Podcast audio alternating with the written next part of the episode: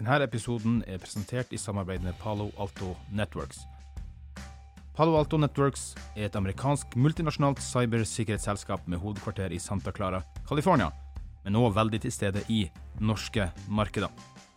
Deres kjerneprodukter er en plattform som inkluderer avanserte brannmurer og skybaserte tilbud som utvider brannmurene til å dekke andre sikkerhetsaspekter. Sjekk ut paloaltonetworks.com.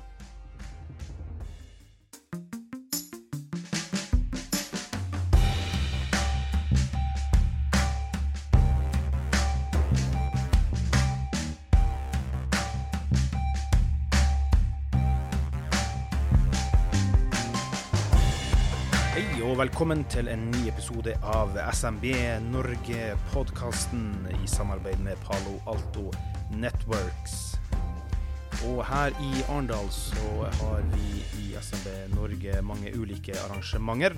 Og det har vært ganske høyt trykk og i det hele tatt. Det, skjer eh, mye. Også podkastinnspillinger. Og jeg kan ta en kort beskrivelse av et arrangement som skal være faktisk i morgen. Korttidsfraværet er et stort problem for landets små og mellomstore bedrifter. I en undersøkelse SMB Norge har fått utført, svarte over halvparten, 52% at korttidssykefravær med varighet på 1-3 dager gir det største produksjonstappet for bedriften, etterfulgt av fraværet mellom 4 og 16 dager. Mye av korttidsfraværet kan knyttes til alkohol, bruk eller misbruk. Alkoholrelatert fravær og ineffektivitet koster norsk arbeidsliv minimum 1,1 milliard kroner hvert år. Akan kompetansesenteret for rus- og avhengighetsproblemer og SMB Norge setter søkelys på hvordan man kan oppdage, håndtere og følge opp alkoholrelatert slash rusmiddelrelatert fravær og problemer, særlig i små og mellomstore bedrifter. Og da, kjære lyttere, har jeg med meg her fra Akan Camilla Lynne Bakkeng. Hei på deg. Hei. Du er da fag- og kommunikasjonsleder hos Akan. Ja. Kort, hva, hva er Akan for våre lyttere her som ikke helt vet hva det er?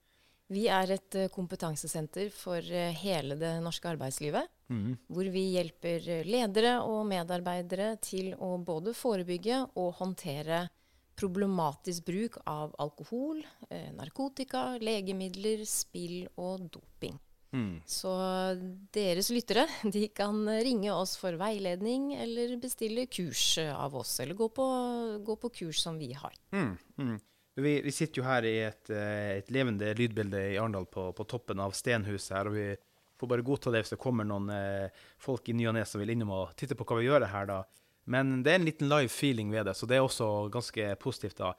Men før vi gikk i gang her, så nevnte du også at dere også har en egen podkast. Hva heter den, og hva snakker dere om der? Ja, det stemmer. Vi har en podkast som heter Ta praten. Mm. Der har vi mange ulike temaer innenfor dette fagfeltet, selvfølgelig. Men der kan du få eh, historier. Eh, at vi har gjester som forteller egne erfaringer, f.eks.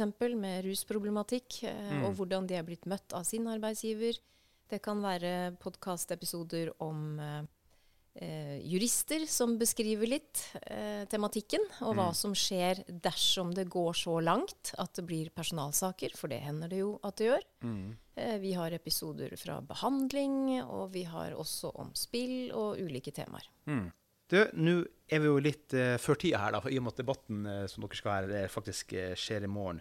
Og der skal dere faktisk ha en ganske tung debatt, både med stortingsrepresentanter fra Arbeiderpartiet, litt fra Senterungdommen, Unge Høyre, ja, også du sjøl, da. Eh, hvordan tenker du at den debatten blir? Ja, det er jeg spent på selv. Jeg ja. må jo bare uh, nyansere litt og si at jeg skal holde et uh, faglig innlegg, eh, og ikke delta i, i debatten. Og det er rett og slett fordi at vi er jo ikke en politisk organisasjon. Nei. Eh, men eh, vi er jo kjempeglade for at dere tar eh, tematikken Mm. og setter det på agendaen. Og, så jeg er spent på hva, mm, hva de debattantene vil eh, fange opp og, og diskutere videre. For det er jo dette kostnadsbildet som du beskrev innledningsvis, da, som er eh, interessant for uh, små og mellomstore bedrifter. Ja, i særdeleshet. Hvem er det som står bak eh, Akan, altså Arbeidslivets kompetansesenter for rus- og avhengighetsproblematikk? Eh, hvordan drives dere? Hvem, hvordan fundes dere, vi kan si det på den måten? Du, vi eies eh, av NHO. LO og staten gjennom Helse- og omsorgsdepartementet. Og det er de tre partene som også støtter oss uh, finansielt. Uh, og så har vi til selvfølgelig også egeninntjening da, på kursvirksomhet. Vi feirer 60 år i år. Oi. Eh, ja. Så vi er jo en voksen organisasjon, egentlig. da. Eksistert i norsk arbeidsliv helt siden 1963. Og det syns vi er um, Altså, vi er Akan som begrep er blitt et sånt kjent begrep der ute. Ja. Men må få lov til å legge til det at det er nok fortsatt noen eksisterende myter eh, og misforståelser rundt oss og Ja. rundt hvordan vi jobber. Ja. Eh, så det er det jo ålreit å kunne få lov til å nyansere Avlive litt. litt. Ja, ja. Avlive litt, ja. Vi, det har vi faktisk jobbet med dette året. Ja. Vi brukte jubileumsåret til å, å ha en myteknuserkampanje. Ja. Og det er blitt lagt merke til. Um, og det handler om ikke sant, hvordan kommunisere et tema som mange, eller de fleste, ikke vil snakke om. Nei, eller som ofte fort blir litt flåsete i Ja, tillegg. ja, For det er vel der myteknusninga også kommer litt inn fort. Ja. nettopp. Og det er jo så synd at sånne myter lever fordi det hindrer virksomheter i å jobbe med det. Ja, Det hindrer dem i å ønske å jobbe forebyggende fordi at man vet ikke helt hvordan man skal snakke om det uten å bli kanskje veldig moralistisk med pekefinger, eller at det blir litt den derre fjasinga og fjåsinga rundt det. Hva er det dere konkret jobber med? Hva vil du si at uh, i hverdagen jobber Akan med? Du, de to kanskje største uh, det, vi gjør mest av, det er veiledning på både telefon, chat og mail. Og da betyr det at en av våre åtte rådgivere sitter inne på kontoret og betjener henvendelser fra hele det norske arbeidslivet. Det ringer ganske mange hver dag, særlig ledere og HR-personell. Men det kan være alle andre roller også, og det kan være vedkommende selv som har et problem. Det kan være pårørende, behandlere, eh, advokater osv. Og, og der er det selvfølgelig spørsmål som er veldig sånn konkrete. Jeg har en ansatt, dyktig, godt likt. Eh, det kan til og med være en partner, f.eks., Ja. eh, i et selskap. Men så er det noe som er problematisk med atferden eller fravær eller hva det måtte være, sånn at man tenker i de baner at det kan handle om for mye alkohol eller andre rusmidler eller spill. Og da veileder vi dem, sånn at de skal best mulig kunne håndtere dette selv internt hos seg. Så veiledningstjenesten vår er uh, stor, Ja. eh, og det vi gjør mye av. Og så er det jo kursvirksomhet. Ja. Vi er jo en liten kursfabrikk, hvis jeg kan få kalle det det. Ja. Eh, vi er ute i virksomhetene i hele landet og holder opplæring og kurs. Og det er også mest opplæring blant ledere. Og da handler det veldig mye om å ruste ledere til å bli gode på å ta samtaler dersom de er bekymret for en ansatt. For det er her det skorter i norsk arbeidsliv. Det er jo ikke sånn at vi ikke har ledere som bekymrer seg for sine ansatte. Eller ikke har ledere som ikke ser at det er noe som ikke stemmer med en ansatt. Nei, Man ser det kanskje for lenge før man gjør noe. Nettopp. Så, så den der terskelen fra bekymring, bekymring til handling, det er jo den vi ønsker å gjøre noe med. Og da ser vi at ved å trygge ledere på at du kan ta bekymringssamtaler mye tidligere enn det du kanskje i praksis gjør, og måten å gjøre det på, da kommer vi ganske langt, altså.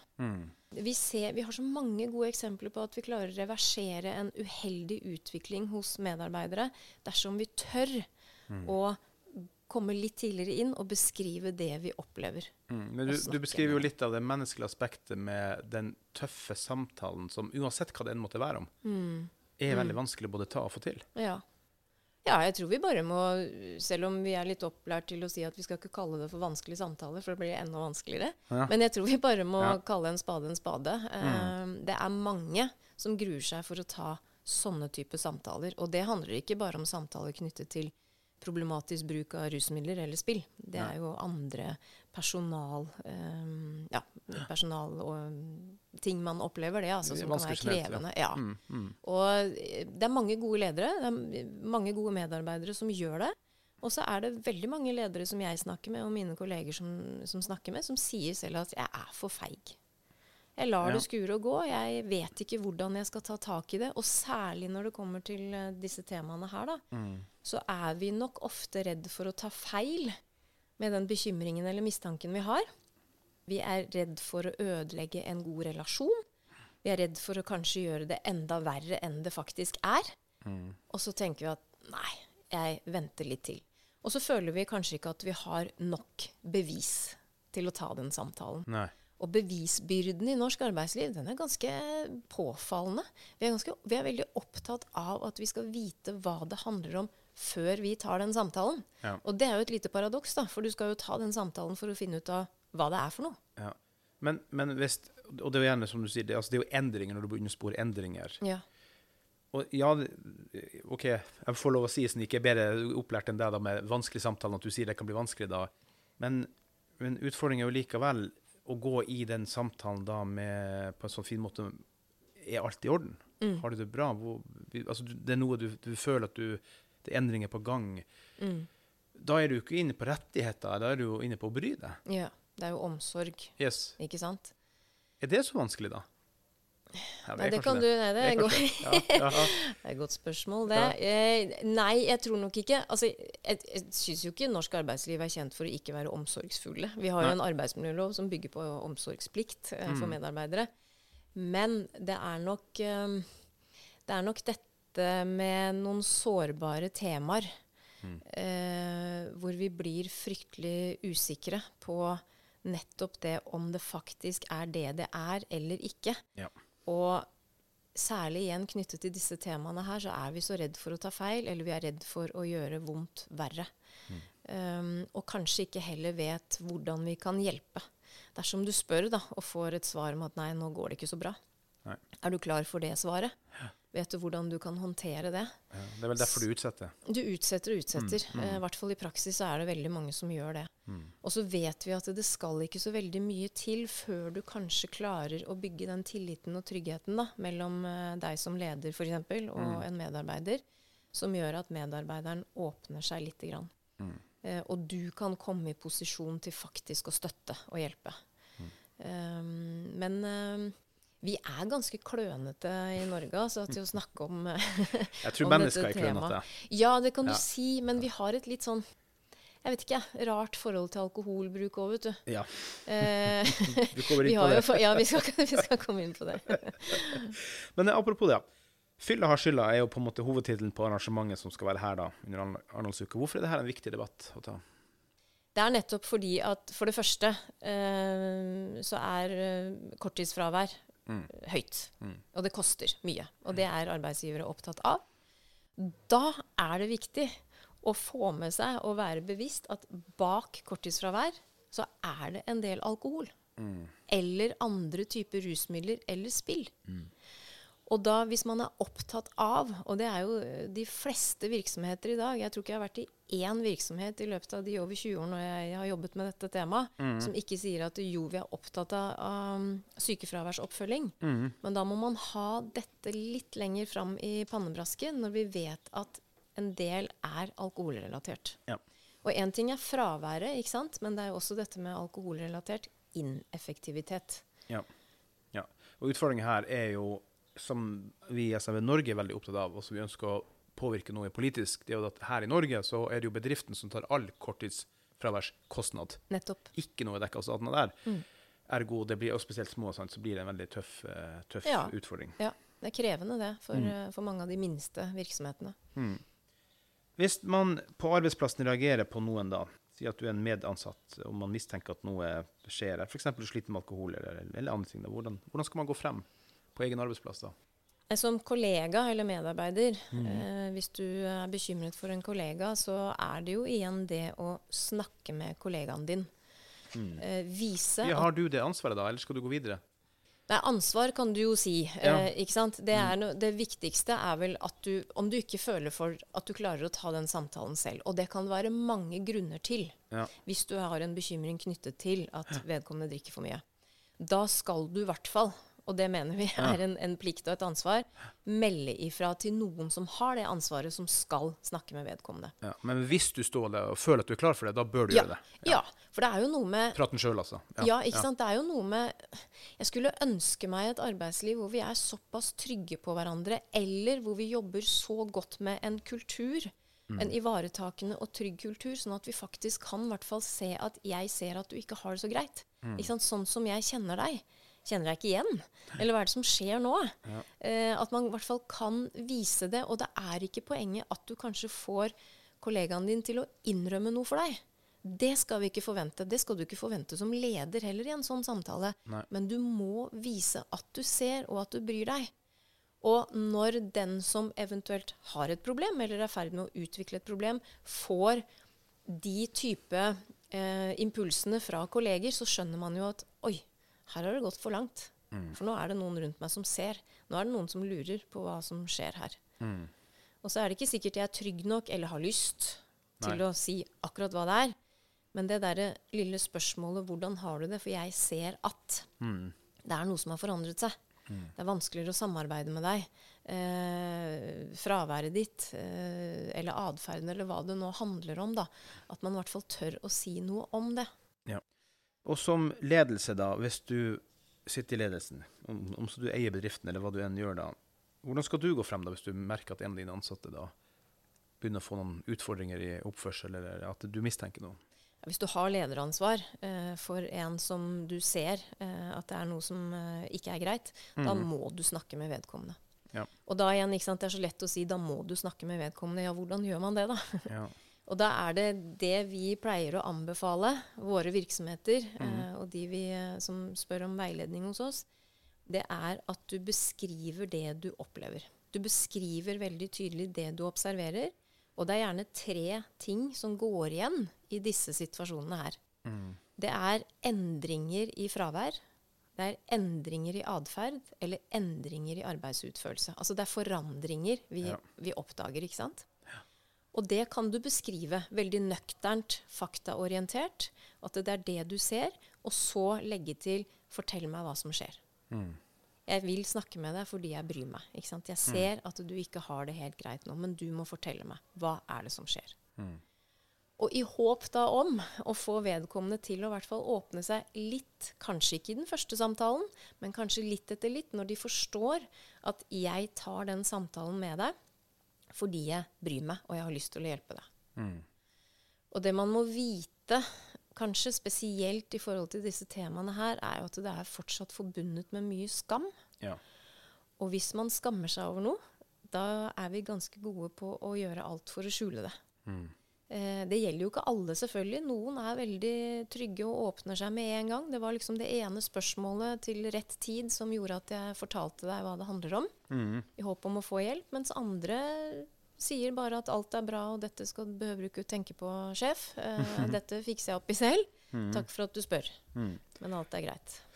Du, altså, som ansatt, hvilke rettigheter har du dersom du skulle få en utfordring da, med f.eks. rus og alkohol, siden det er jo mye det det handler om? Det er det med rettigheter da, knyttet til dette temaet som er litt, eh, kanskje litt uklart. Men alle har jo rett til et trygt og inkluderende og arbeidsmiljø, eh, hvis vi går sånn på arbeidsmiljøloven. Mm. Og det som handler om helse, miljø og sikkerhet, selvfølgelig. Men også dette som jeg nevnte i stad, med omsorgsplikten som ligger i bunn. Mm. Um, så man skal i hvert fall Det er jo det med å, å tørre å fortelle en leder at man sliter hvis man ikke vet hva konsekvensene av det blir. Mm. For jeg tror veldig mye av frykten som ligger hos oss, er at hvis jeg forteller min sjef hva som skjer, at jeg drikker for mye, eller at jeg bruker kokain på fester, eller hva det måtte være, så ligger jo den frykten om at jeg kommer til å miste jobben. Ja, eller bli brukt mot deg på et vis, Ja. fordi at ikke sjefen kanskje er så snill, Ja. HR-ansatt, eh, ja, Ja. whatever. Ikke sant? Så, så det ligger en del, hvis jeg kan snu på det ansvaret litt, da, hos arbeidsgivere i å formidle og fortelle at vi bryr oss. Dersom man gjør en feil, dersom man dummer seg ut på fest, dersom man kommer borti miljøer eller ulike årsaker eh, røyker hasj eller bruker kokain eller noe sånt nå, så er det lov å dumme seg ut, og så kan vi prøve å finne ut av det. Eh, og så er det ikke noe rettighet å få hjelp i form av en individuell Akan-avtale, som er sånn hjelpetiltak, oppfølgingsavtaler, da, som vi formidler i Akan-modellen. Det er ikke noe rettighet å få det, det er ikke noe plikt å måtte gi det. Men det er jo noe med å vise at man forstår at vedkommende er i en krevende situasjon, og i hvert fall se på hvilke muligheter har vi Ja. utover det eventuelt hvis man kommer så langt som at man tenker oppsigelse eller også avskjed. Men det er jo forskjell på situasjoner her, altså. Noen ganger så er det såpass grove brudd, f.eks. på et arbeidsreglement som skjer, og som oppstår. Um, at man ikke, eller at vedkommende ikke er mottagelig for å ta imot hjelp overhodet. Da mister man sine rettigheter, rett og slett? Det mener du, eller? Ja, eller mister rettigheter, men, men, hvordan skal vi kunne hjelpe hvis Ja. vi ikke kommer i posisjon overhodet? Mm. Men det er, no, det er viktig at arbeidsgivere i hvert fall kjenner til mulighetsrommet. Hvilke alternativer har jeg? Og det, eh, det er jo mye av det vi gjør i disse veiledningssamtalene én til én på, på telefon med ledere. At de ringer inn og beskriver en situasjon. Hva kan jeg gjøre? Og da er vi med på å hvert fall vise mulighetene. Um, skissere muligheter og nyansere bildet. Og så er det jo til syvende og sist du som arbeidsgiver eller leder som sammen med vedkommende må finne ut hva kan vi få til her. For å ivareta drift, for å ivareta helse, miljø, sikkerhet, for å ivareta vedkommende. Ja, og begge parter. Er, begge parters mm. hensyn er viktig. Ja. Du, andre avhengigheter og utfordringer, som f.eks. rus og spilling osv. Altså, er- har dere andre felt dere jobber på i tillegg? utover det? Ja da, det, det er jo selvfølgelig alkohol, og det er fortsatt det det er mest av. Ja. uh, knyttet til henvendelser og situasjoner som dukker opp. Men eh, narkotika, eh, det hører vi ofte om. Mm. eh, og oftere og oftere. Eh, det har økt, det med henvendelser knyttet til eh, mistanke eller bekymring knyttet til eh, kokain, f.eks. Mm. Hasj. Mm. Eh, også legemidler. Og da er det jo medikamenter som ansatte eller kolleger har fått skrevet ut av sin doktor. Pga. av reelle plager. Fysiske, øh, psykiske utfordringer, vanskelige situasjoner, livskriser. Mm. Som brukes som de skal. Men så er det jo sånn at en del av disse legemidlene har et avhengighetspotensial på, Mm. på kroppen. Sånn at man veldig ufrivillig kommer inn i en avhengighet. Og det kan jo påvirke en arbeidssituasjon hvis det er veldig sikkerhetsutsatte arbeidsoppgaver man jobber med. Mm. Mm. Spill, særlig pengespill, det kom sånn på midten av 2000-tallet pga. at vi fikk henvendelser fra arbeidsplasser som hadde ansatte. Um, Internett, selvfølgelig. ja, det var jo da det Online. eksploderte Yes. litt, ikke sant? Med hvor du sitter på, eller online, da, Ja. med utenlandsk valuta eh, og kort, og satser penger, og det satses fort, og du taper masse penger på kort tid. Og det er kanskje de hva skal jeg si, groveste sakene med de største konsekvensene. Der det handler om pengespill. Mm. For, eh, for det får så store konsekvenser hvis du spilte bort eller tapte masse penger i går kveld. Da er fokuset et helt annet sted når du er på jobb. Men det er altså si rus, alkohol, Mm. eh, eh, medisiner, narkotika, spilleavhengighet. Det er ikke noe utover det. det, det Nei. Det siste vi har tatt med, er uh, bruk av dopingmidler. Ja. Som også kan eh, få konsekvenser for jobb. Da. Ja. Men, men det, er de, eh, det er de rusmidlene og si, aktivitetene som vi eh, forholder oss til. Ja. Ja. Forskes det nå på utviklinga av det med alkohol og jobbrelaterte utfordringer? Er det, forsker man nå på det? Ja da, man gjør det. Og, og kanskje mer i dag enn eh, før. Ja. Eh, det har ikke vært et, eh, et felt som eh, forskerne har vært altfor interessert i sånn opp gjennom tidene. Det har vært noen studier her og der. ja. Ja. men Folkehelseinstituttet de har nå en, en stor, eh, omfattende forsker, eh, ja, forskning på det, Mm. som har holdt på noen år. Eh, så, så de har et, eh, et stort datamateriell som de lager rapporter av eh, med jevne mellomrom. Ja. Så knyttet til alkohol og arbeidsliv spesielt. Ja. Og så skal de i gang med, med noe som handler mer om narkotika. For det vet vi ikke altfor mye om. Så, så det skjer, og ja, det skjer en del forskning på, på feltet. Ja. Jeg, jeg, jeg, kan du nok om det til å kunne si at vi går inn i en positiv utvikling eller en negativ utvikling? Kan man se noe ut ifra det fra tallmaterialer som, som er der ute? Altså Blir det bedre eller blir det verre, da? Ja. ja. Uh, nei, hva skal vi si? Um, noen ting blir bedre, andre ting blir verre, uh, for å svare sånn. Mm. Det er um, det, det er et stykke mellom um, altså Sånn som vi hørte noen beskrev arbeidslivet før, hvor, liksom, hvor du hadde litt sånn fyll i, i arbeidstiden. Det har vi ikke. Eh, på samme måte. Det er fåtallet. Noen er jo påvirka på jobb, Ja. men de trenger hjelp. Ikke sant? Ja, jeg kom en gang på skjønner du, et kundemøte Ja. uh, i min tidligere eh, yrkesaktive karriere og kom rett inn i en fest, rett og slett. Ja. Oi, jøss. Og Jeg hadde avtale at ja, vi hadde julebord i går, skjønner du. ja, riktig. Ja, i går, ja. Ja. Den hang litt igjen. Den hang litt igjen, den, altså. Ja. Ja, ikke sant? Så, så, så, så, der har det jo endret seg. Og så gikk det jo over for altså, mer og mer på disse sosiale situasjonene i regi av jobb. Altså, ja. Hvis jeg kan kalle det litt sånne gråsoner, da. Mm. Eh, for de ble det jo på et eller annet tidspunkt mer og mer av. ikke sant? Vi får ja. jo haugevis av invitasjoner til konferansemiddager, seminarer eh, jobbfester, jobbreiser, representasjoner osv. Og, så videre, og, og der har alkohol en ganske naturlig plass mm. i mange av disse sosiale situasjonene. Og det er helt greit, det. Mm. Men man glemte å snakke litt om det. Og mm. snakke om forventninger til hvordan man faktisk kan eller skal oppføre seg i de situasjonene. da. Mm. Så, men, men, der også er det jo blitt litt tørrere, altså i form av at det er ikke så veldig vanlig med åpen bar lenger på sommerfest og julebord og Nei. representasjoner. Det, det, er noen steder, men det er ikke ja. så Og det er ikke så vanlig med konjakk til kaffen og sånn lenger som man hadde før. Så, så det, er liksom, det, er blitt litt tørrere, men vi har fått flere situasjoner som vi inngår i hvor det drikkes. Ja. Mm. Og så ser vi dette med sant, Når 12% sier at de opplever drikkepress i jobbrelaterte situasjoner, mm. den nå har vi ikke målt det i altfor mange år, men, men, det er jo et forholdsvis høyt tall. Mm. Og 300 mm. 000, eller litt over 300 000 um, arbeidstakere sier at de dropper jobbfester pga. alkoholbruken der. Ja. Det også er jo rett og slett trist, for da har vi bomma på, på hensikten med de sosiale situasjonene. Ja, jeg skal komme litt inn på dem. da. Men vi må ta en liten ting til her først. Altså, SMB Norge er jo her da, hovedsakelig for de små og mellomstore bedriftene. Og det er jo der vi kjemper vår eh, kamp. da. Hva er deres erfaring rundt de minste bedriftene som gjennomgår f.eks. utfordringer med rus? da? Det må jo bli enormt ramma. Si at du er to i bedriften, da, og begge er partner, begge eier.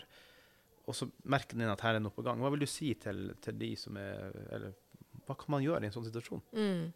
Og det får vi henvendelser på. Ja. Eh, og det som er kanskje utfordringen, hvis jeg kan si det sånn, eller litt annerledes for de små bedriftene mm. kontra de store, som har så mange roller, eh, har systemer på, på, plass, det er nettopp den nære relasjonen man har til hverandre.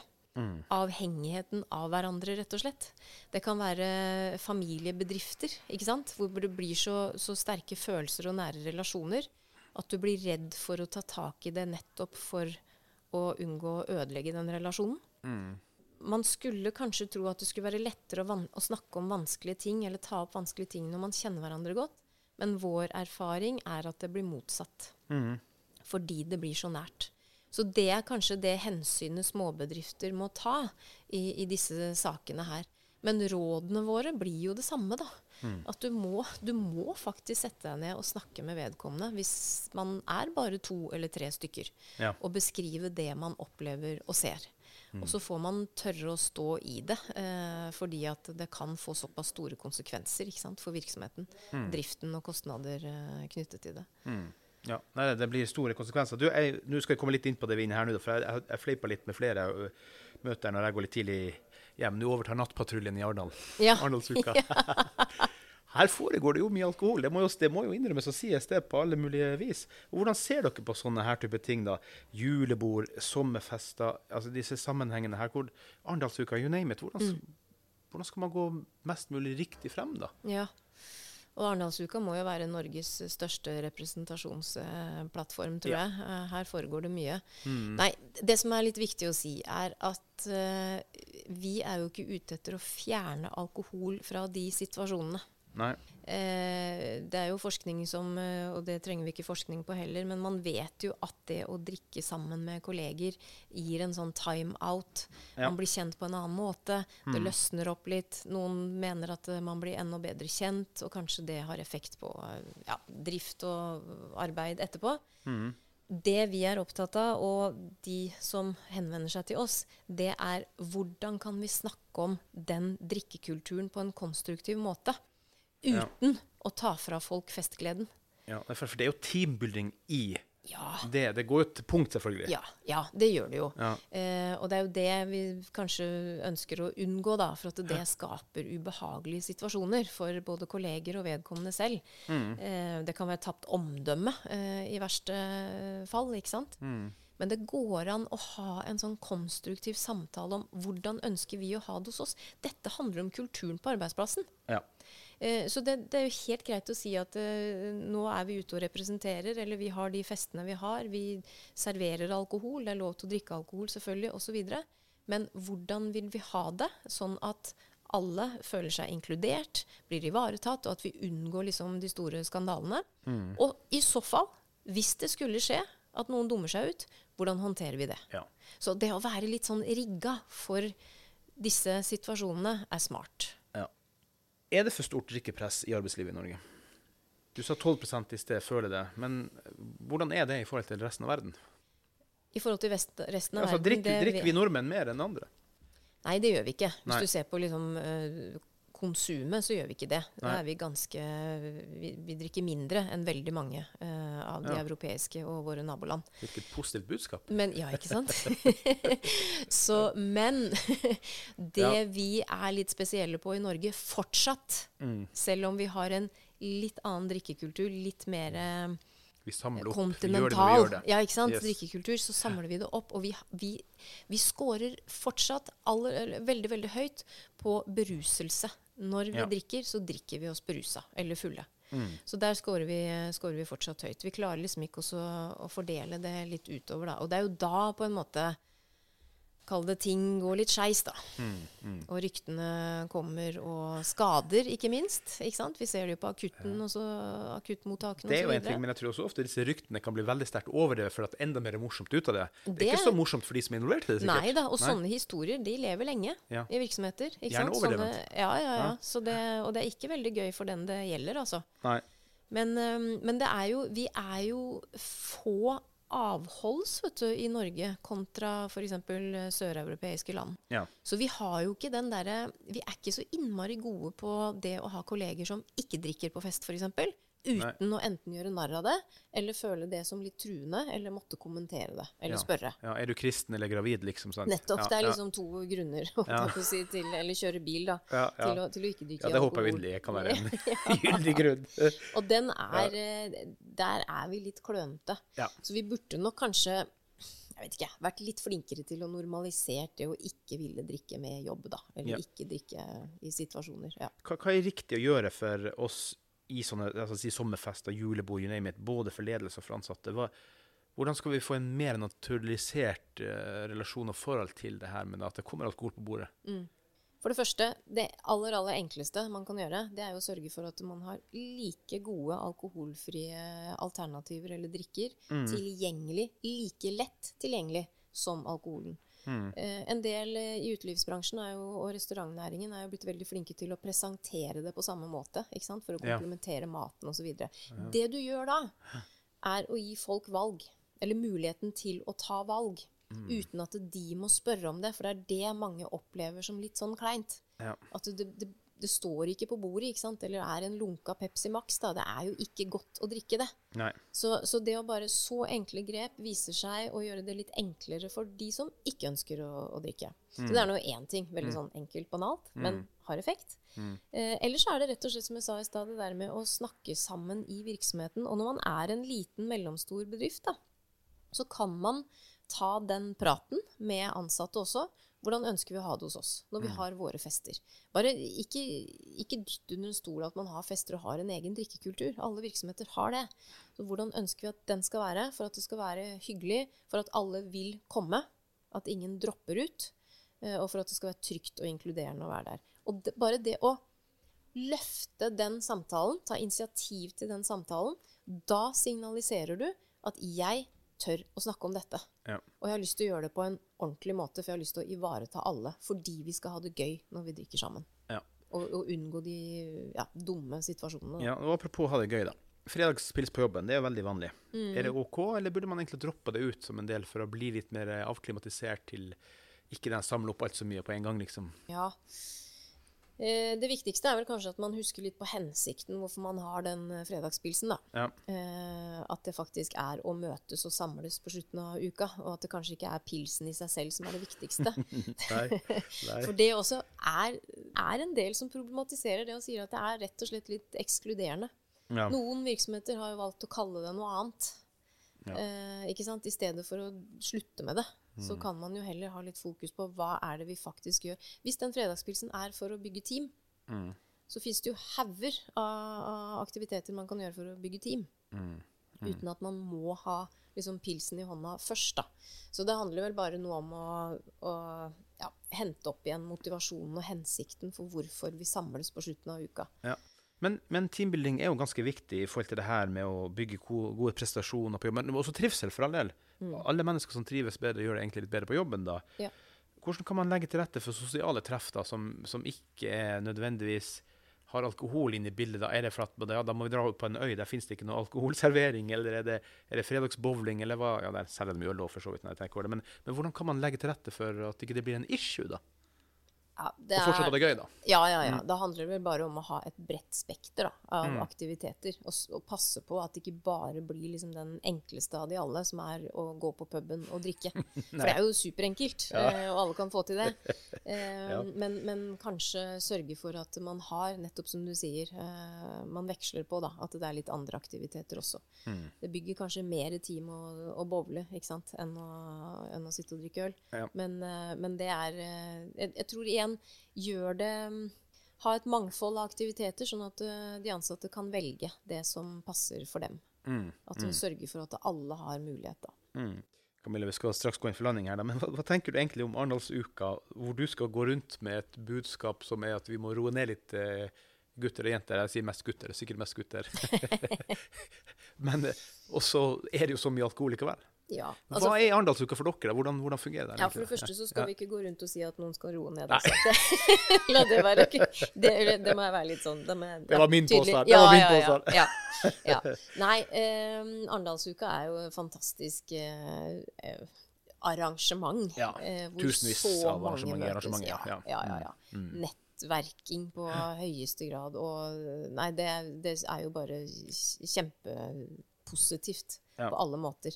Og så er det sikkert noen som eh, ja, kunne hatt en liten samtale i virksomheten i forkant da, om hvordan man er ute og representerer. Fordi vi hører jo liksom om baksiden, og det kommer gjerne etter at det har vært noen representasjon eller reisevirksomhet eller hva som helst. Og det det handler om, er bare at uh, vi vet ikke hva som forventes av oss. Nei. Ikke sant? Uh, si at du er førstereisgutt eller førstereisjente òg i tillegg, ja, da. Ja, og det er interessant. Første gang på julebord, f.eks. Nettopp. nettopp. Ja, ja. For folk vet ikke nødvendigvis hvordan de kan uh, eller skal oppføre seg i sånne situasjoner. Kan jeg ta en pils i lunsjen, eller kan jeg ikke? Er det arbeidstid eller ikke? Hvor går liksom den grensen for representasjon? Mm. Kan vi kalle det at det er helt greit så lenge det er måtehold? Altså, hvordan gjør vi det? Mm. Og særlig her, da, hvor du treffer kanskje kunder og, og samarbeidspartnere osv. Hvordan, hvordan bare oppfører vi oss i de situasjonene? Det er ikke noe mer som skal til enn det. skjønner du. Så mm. skaper du den lille bevisstheten, og da trenger du ikke si at noen må roe seg ned, eller liksom ta Nei. fra dem muligheten. Nei. Men folk er usikre. Og det du sier, det er et godt eksempel. Øh, hvor full kan man bli på julebordet, liksom? Ja. Det er mange som lurer på det. Altså, når du ja. begynner i en ny virksomhet. Hvordan er kulturen her? Ja. Hva skjer? Hvis jeg driter meg ut, for å snakke norsk. Ja, Du kommer eh, fra en bedrift med hvor det er bare du og barndomskompisen din som har drevet ja. i 30 år, skal du ny bedrift. Ja. Og så skal du med 100 ansatte, og så er det kanskje litt mer siviliserte former. Ja. Det er fort gjort å bomme. Ja, men, eh, men, det er i hvert fall noe som folk går og tenker på. Mm. Så det igjen, det er bare den lille praten der. Mm. Uh, og da signaliserer du at uh, dette er noe vi også kan snakke om hos oss. Og apropos Ta praten, da vil jeg bare anbefale helt til slutt dere uh, lyttere også å sjekke ut Ta praten, uh, podkast som uh, Akan har. Hvor kan folk komme i dialog med dere, Camilla, hvis de vil det? Elten, både pga. generell nysgjerrighet eller sida der er en utfordring. Hvor kommer ja. man i kontakt med dere? Nysgjerrighet, da kan du gå på nettsiden vår, akan.no. Mm. Der er det mye informasjon. Mm. Eh, det er også digita mange digitale verktøy der mm. som skal være enkelt å bruke for virksomheter, eller som vi kan fasilitere. Der ligger kurs og alt mulig. Mm. Eller så er det å ringe veiledningstelefonen vår. 2240 2800 mm. hvis man har et konkret spørsmål eller bare har lyst til å diskutere med en rådgiver. Man kan være anonym. Du kan fortelle hvem du er, osv. Mm. og så har vi en, en um, direktemeldingfunksjon via nettsiden vår også, som man kan uh, bruke. Så vi uh, er tilgjengelig. Og ingen spørsmål er dumme. Uh, og veldig ofte så handler det bare om å få lov til å sitte og reflektere og snakke med en av oss rådgiverne. Ja. Bare for å tenke Sparre. høyt sammen. Ja. Mm. Mm. For veldig ofte så har de lederne som ringer til oss, tenkt så mye kloke tanker, men de trenger bare den hva skal jeg si, lille dytten Ja. for å faktisk gjøre det de har tenkt til. Mm. Da skal vi ta og runde av her ved et uh, levende lydbilde i Arendalsuka, nesten litt live, for her har han klappa og jubla i etasjen under her med et arrangement som tydeligvis går veldig, veldig veldig bra. Vi får bare takke for det, da. Vi takker også til våre gode lyttere at dere deler podkasten. Gi oss en femstjerners rating på Apple Podcast og Spotify. Er det noen spørsmål, selvfølgelig til, til Akan, så tar dere kontakt, som Camilla har sagt her. Dere kan også kontakte oss her i podkasten med podkast at smbnorge.no, podkast med C. Og så får vi bare håpe at eh, Arendalsuka går bra. Vi takker Palo Alto Network Cyber Security, som er samarbeidspartner på podkasten her. Tusen, tusen takk, Camilla. Det ble en veldig interessant eh, prat. Helt uten skål. Ja. An. takk. Det går an. Ja. Lykke Tusen til. takk.